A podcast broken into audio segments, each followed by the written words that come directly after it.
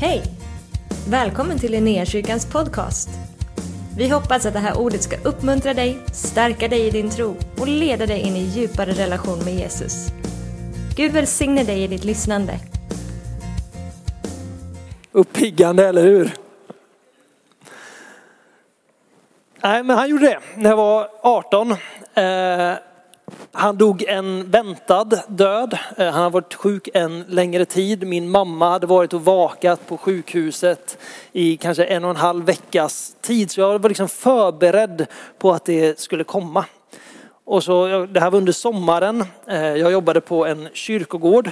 Eh, gå in och kolla min Facebook-profil så står det att jag varit dödgrävare en gång i tiden. Jag kommer ner och min mamma har kommit hem och hon sitter i vardagsrummet. Så jag förstår, så fort jag ser henne så förstår jag att min morfar har gått bort. Och jag kommer ihåg min egen reaktion. Jag blev liksom, nej, åh vad tråkigt. Nu måste jag göra mig i ordning för att gå och jobba. Jag hade väntat på beskedet, jag visste att det skulle komma. Men det landade inte. Jag förstod att det här är tragiskt. Jag led med min mamma som hade varit där vid hans sida. Men hos mig landade inte utan jag var beredd att gå vidare med min dag. Min mamma liksom stoppar mig och säger nej du ska inte gå och jobba idag, vi ska åka ner och ta farväl. Och hela den dagen var ganska overklig. Man liksom gick och man var ledsen och ändå förstod man inte riktigt vad det är som har hänt. Det här var första gången som någon i min närhet hade gått bort. Och så kommer man in i det här rummet där min morfar ligger. Och när jag ser honom så är det någonting som bara brister i mig.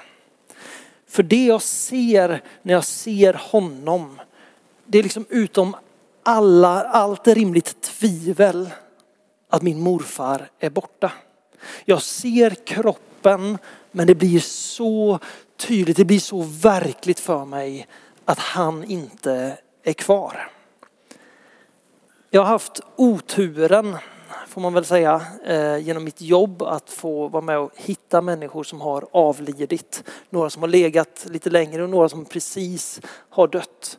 Men det som alltid har varit solklart när man kliver in i rummet är att personen är inte längre där.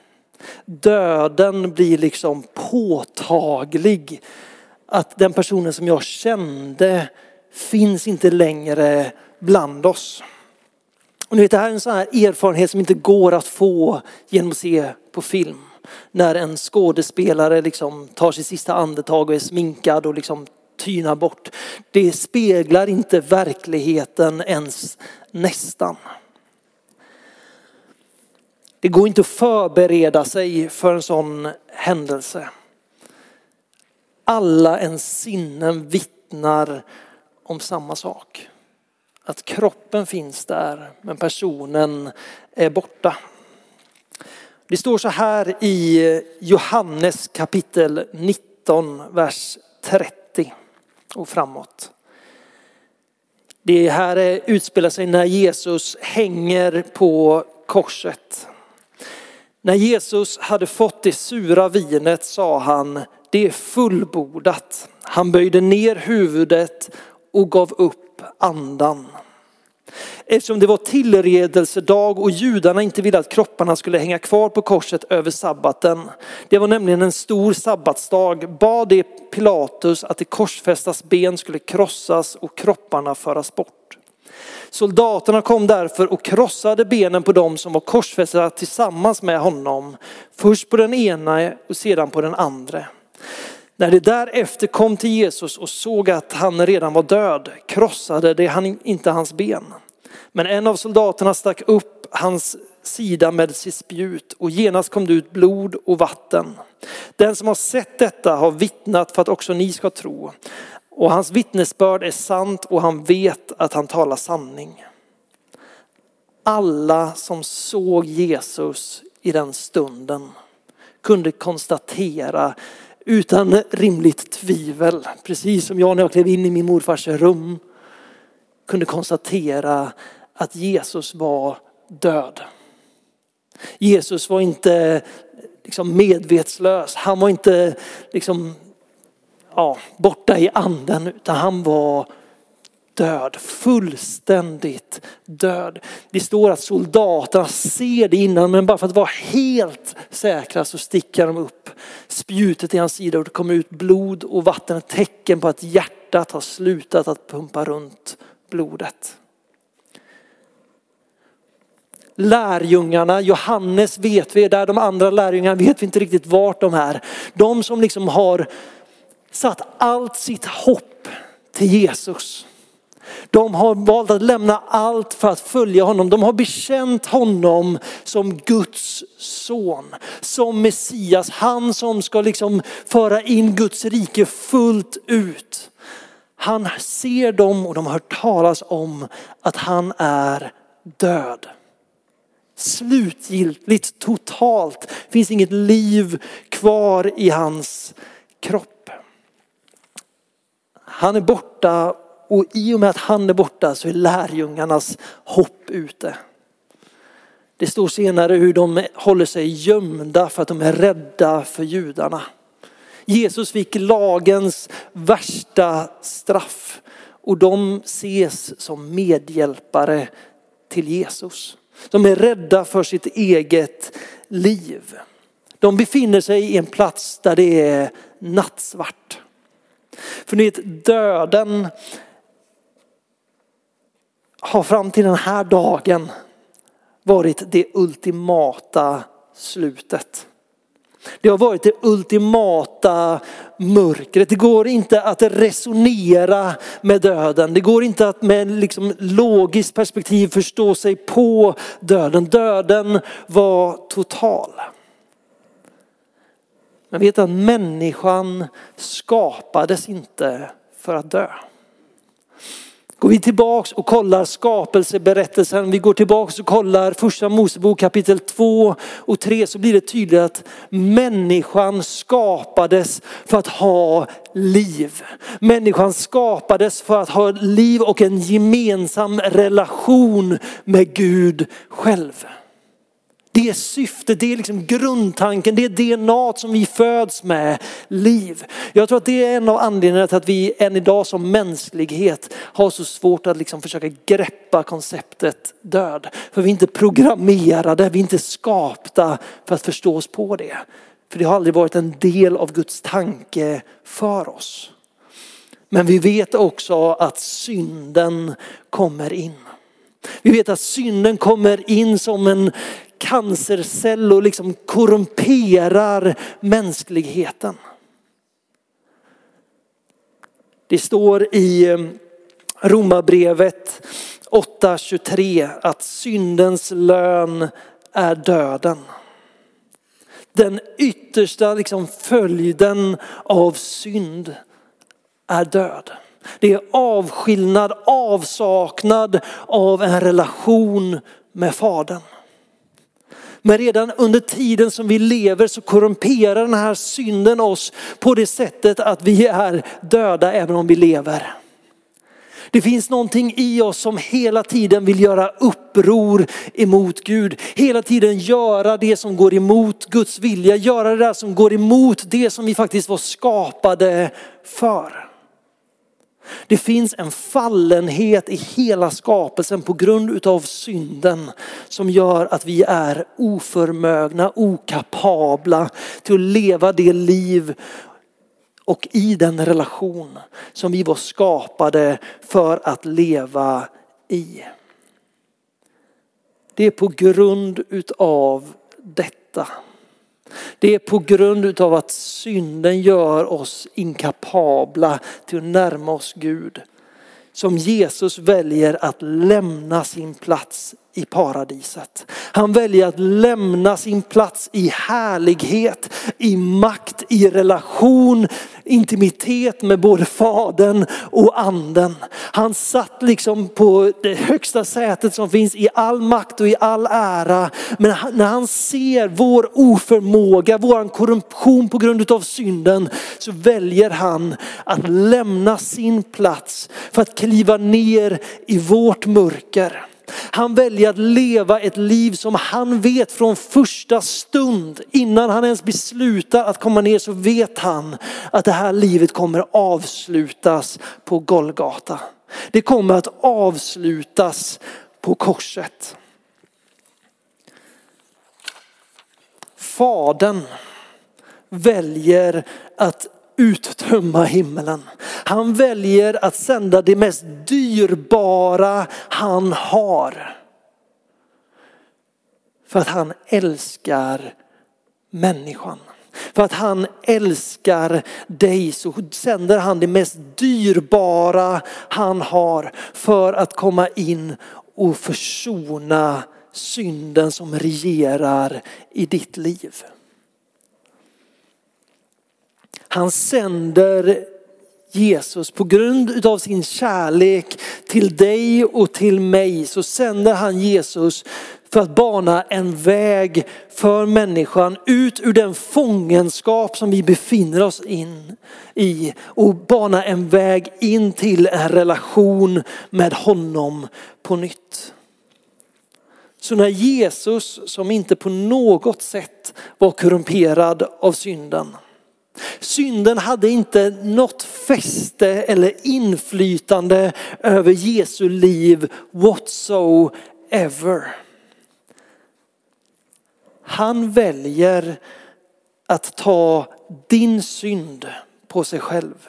Han väljer att ta ditt straff och ditt uppror mot Gud, mot Gud på sig själv på sina axlar. Han väljer att gå döden i den stunden, den ultimata döden, den ultimata plågan, den ultimata avskildheten ifrån Gud. Väljer han att gå till mötes för att han vet att vi inte är kapabla. Så han väljer att gå dit i, i vårt ställe. Han visste att syndens resultat blir döden. Han visste att det är syndens makt i oss som gör att vi hatar Gud. Som gör att människor hatade Jesus. Han visste att det var synden i människorna som gjorde att de var beredda att håna honom, piska honom, spika fast hans händer på ett kors. Men för att han vet att det är synden i oss så kan han under tiden han hänger där förmå sig själv att säga Fader förlåt dem för de vet inte vad de gör. Jesus älskar människan men han hatar synden.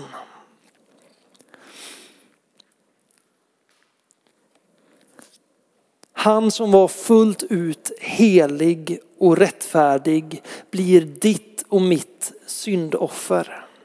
Han valde att ta vår plats. Och när han dör på korset så dör han den död som vi förtjänade. En total död. En chockande, slutgiltig och en brutal död.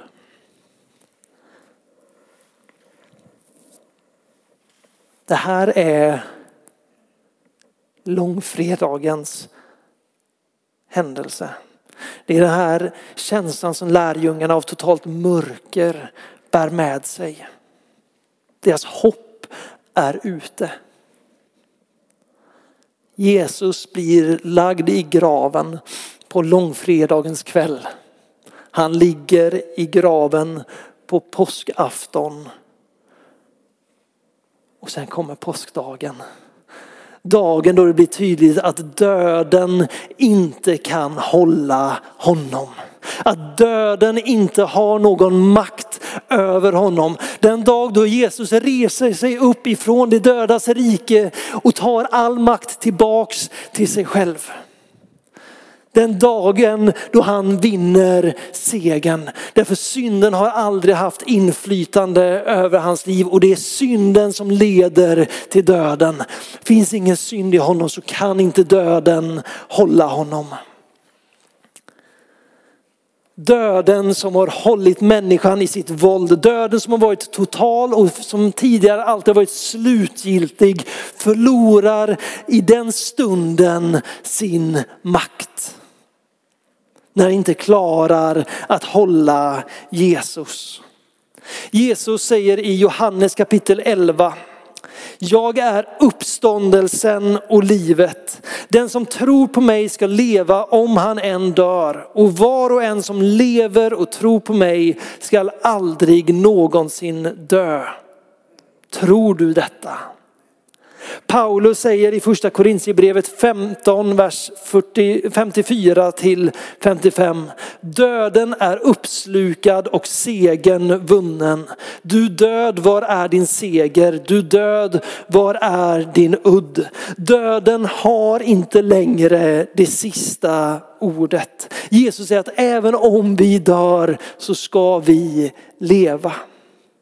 Men Jesus har inte bara besegrat dödens makt.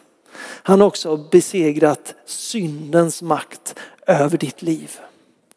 Det finns fullständig förlåtelse och upprättelse och frihet att få i honom som valde att ta ditt straff på sig själv.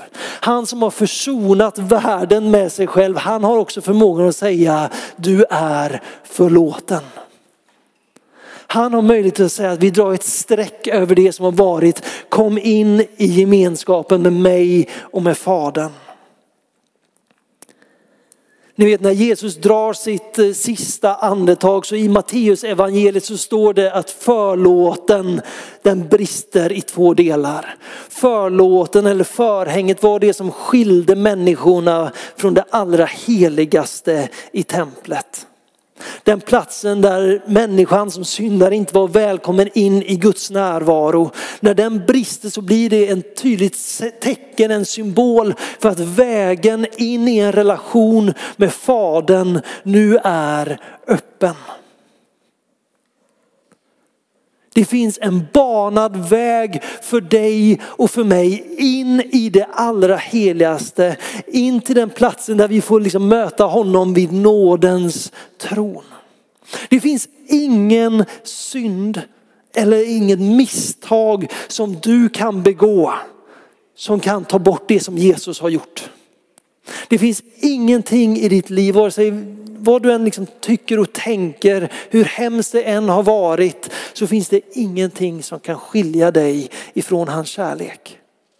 För redan innan du kände honom, redan innan när du var en fiende till Gud så valde han att dö för dig. Och han har uppstått och sitter på faderns högra sida. Det står så här i Romarbrevet 8. Jag har inte gett jag har freebasat lite här nu så vi hänger på. Vad ska vi nu säga om detta? Är Gud för oss, vem kan då vara emot oss? Han som inte skonade sin egen son utan utlämnade honom för oss alla. Hur skulle han annat än att också skänka oss allt med honom? Vem kan anklaga Guds utvalda? Gud är den som frikänner. Vem är den som fördömer? Kristus Jesus är den som har dött, ja än mer, den som har blivit uppväckt och som sitter på Guds högra sida och ber för oss. Han som valde att gå smärtans väg, lidandets väg, ta på sig ditt straff. Han sitter nu idag på faderns högra sida i makt och i härlighet. Och det han gör är att han ber för dig. Det han gör är att han ber att Guds vilja ska få ske i ditt liv. Att du ska få komma till den platsen där det får flöda över av liv på din insida. När du får igenkänna att du tillhör honom, att du är ett barn i hans hus, att du har alla rättigheter i Guds rike. Han sitter på faderns högra sida och manar gott för dig. Ni vet lärjungarna befann sig i ett tillstånd av totalt kaos. De var rädda, förvirrade, sorgsna. Och så kliver den uppståndne Jesus in i rummet. Den uppståndne Jesus kliver in mitt där de sitter. Och deras liv förvandlas på ett ögonblick. Jag är helt övertygad om att i den stunden så inser de hur lite de har tänkt om Jesus innan.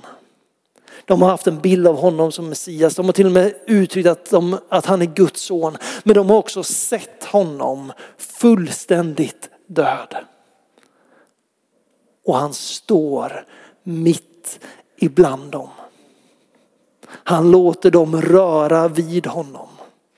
Och han säger så som Fadern har sänt mig så sänder jag er. För vet ni det som händer med lärjungarna efter detta? Först väntar de, gör som Jesus säger, de väntar på pingstdagen. Men sen går de ut och erövrar den här världen. Jesus säger att vi inte är värdiga att följa honom om vi inte är beredda att lägga ner våra egna liv, ta upp våra kors och följa honom. Jag tror att i den stunden när de ser den uppståndne Jesus, när de förstår vem han är, så är de beredda att följa honom ända till döden. De är beredda att göra vad som helst för honom.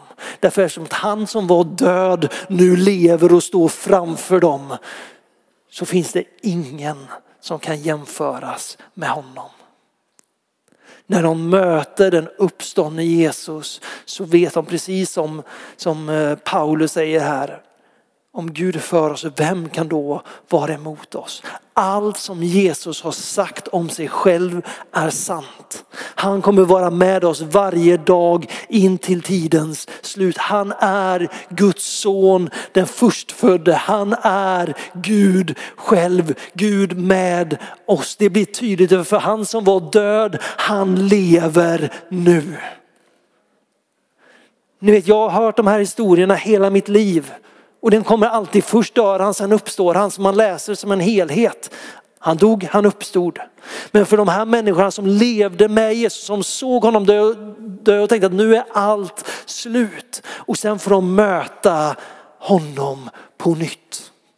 Och när de inser vem han är så eh, förvandlas deras liv och de är beredda att gå dit han sänder dem. För nu Jesus har brutit dödens makt över dig. Även om du dör så ska du inte vara död. Därför hans liv övergår dödsriket. Men det är inte dags för oss att nu liksom sitta tillbaks och vänta på dagen då vi får flytta hem som vi så fint säger i kyrkan. Det är inte dags för oss att bara luta oss tillbaka och bara, ja, men den dagen kommer. Utan han inbjuder dig och mig här idag han inbjöd oss igår, han kommer inbjuda oss imorgon. Men han inbjuder oss börja evigheten tillsammans med honom idag. Lev ditt liv tillsammans med honom idag. Gå in i den där relationen som människan blev skapad för att vara i. För han har betalat priset, han har banat vägen för att du ska kunna stå på den platsen där du i din ande kan ropa Abba fader. När du på djupet av ditt hjärta inser att jag har en relation med kungars kung och herrars herre. Allting skapade, han som är A och O, början och slutet. Han får vi ha en relation relation med idag. Jesus dog inte bara för att bryta dödens makt. Han kom för att vi redan idag ska kunna börja leva tillsammans med honom. Han har kommit för att göra upp med synden som har regerat i våra liv så att vi ska kunna sluta vara i uppror mot Gud för att kunna leva tillsammans med honom. För när vi förstår att Jesus är den han säger att han är och att han lever idag. När vi inser vad han gjorde för oss på korset, när, han, när vi förstår, jag lovar, jag har bara förstått lite, lite, lite grann av detta. Det finns så mycket mer insikt i detta som jag bara längtar efter att Gud ska få uppenbara så att det liksom genomsyrar min kropp. För när vi inser vad Jesus gjorde för oss på korset, vad det var han faktiskt tog på sig för oss. Då kan vi inte göra någonting annat än att bara springa honom till mötes, slänga oss för honom, hans fötter, tillbe honom i ande och sanning. För vi inser vad han har befriat oss ifrån. Och han inbjuder oss att leva ett liv tillsammans med honom. Där det inte är synden som får driva våra liv. Utan den heliga andes kraft får göra att vi kan gå in i en relation med honom. och Leva ett liv som behagar honom. Där vi kan få ge ära och pris tillbaks till honom som valde att dö och lida för vår skull. Och vi får göra det med honom. Vi får göra det med honom. Nu har jag hållit på jättelänge här så vi ska bara läsa ett kort ord och så ska vi avrunda. Romarbrevet 6. Eller vet ni inte att vi alla som har blivit döpta till Kristus Jesus har blivit döpta till hans död? Vi är alltså genom dopet i döden begravda med honom för att vi ska leva det nya livet, liksom Kristus uppväcktes från de döda genom Faderns härlighet. Ty är vi förenade med honom genom en död som hans, ska vi också vara förenade med honom genom en uppståndelse som hans. Vi vet att vår gamla människa har blivit korsfäst med Kristus för att syndens kropp ska beröva sin makt så att vi inte längre är slavar under synden. Ty den som är död är friad från synden. Jesus dog för att vi inte längre ska vara slavar under synden. Utan vi ska kunna leva ett liv som behagar honom. Där vi på daglig basis får ge tillbaka till honom som har gett precis allt himmelen hade för att du idag ska kunna gå fri. För att du idag ska kunna ha en relation med honom. Jesus gav allt för dig. Och det enda han säger till oss är följ mig. Lev med mig. Det är vad han betalar priset för. Det är inte läge att tänka att det gör jag om ett år när jag har mer tid. Utan han vill fullständigt förvandla dig låta sitt liv spira inom dig till den grad då du faktiskt kommer börja hata synden precis så som Jesus hatade synden. Inte bara liksom nöja dig med att det finns synd i mitt liv, för det gör det.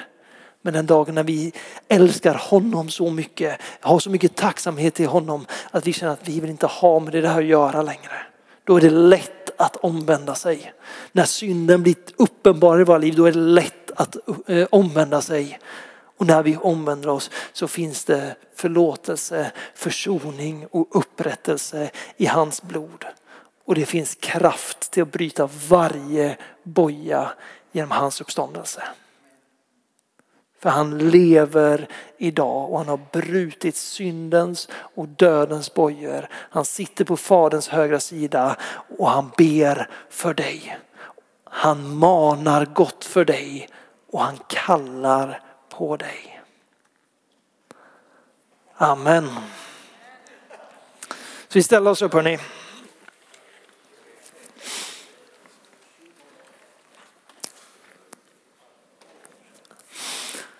Vi ber, sen går vi in i en stund av tillbedjan och, och förbön.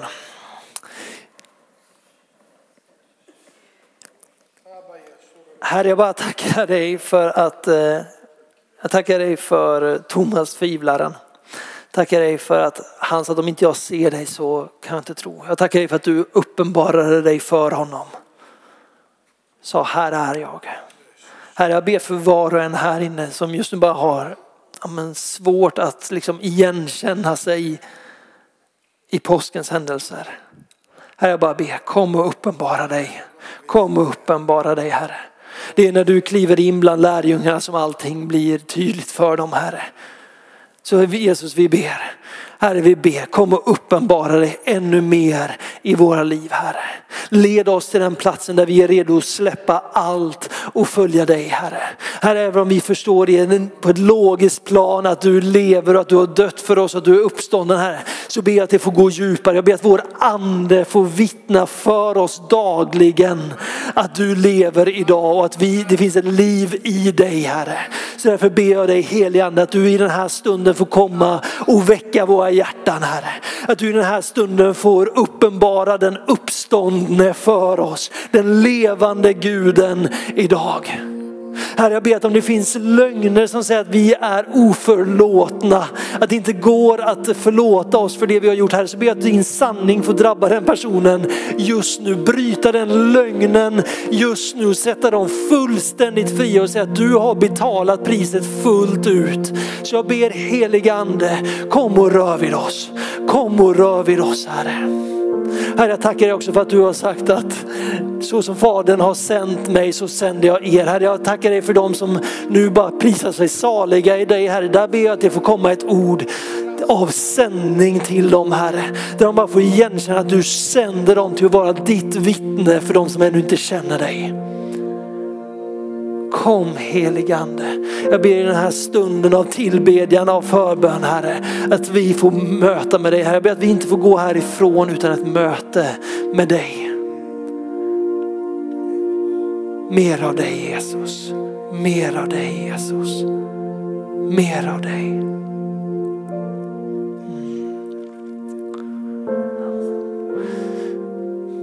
Förbönsplatsen på vänstra och högra sidan här framme är, är öppna. Det finns förebedjare så kom gärna och ta emot förbön. Så tillber vi tillsammans. och så leder Jakob oss vidare.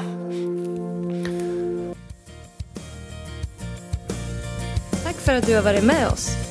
Hoppas du känner dig inspirerad av Guds ord och har fått nya perspektiv. Hör gärna av dig till oss och berätta om Gud har rört vid dig på något sätt. Vi är så glada att få höra vittnesbörd om vad Gud gör. Du kan mejla oss på adressen info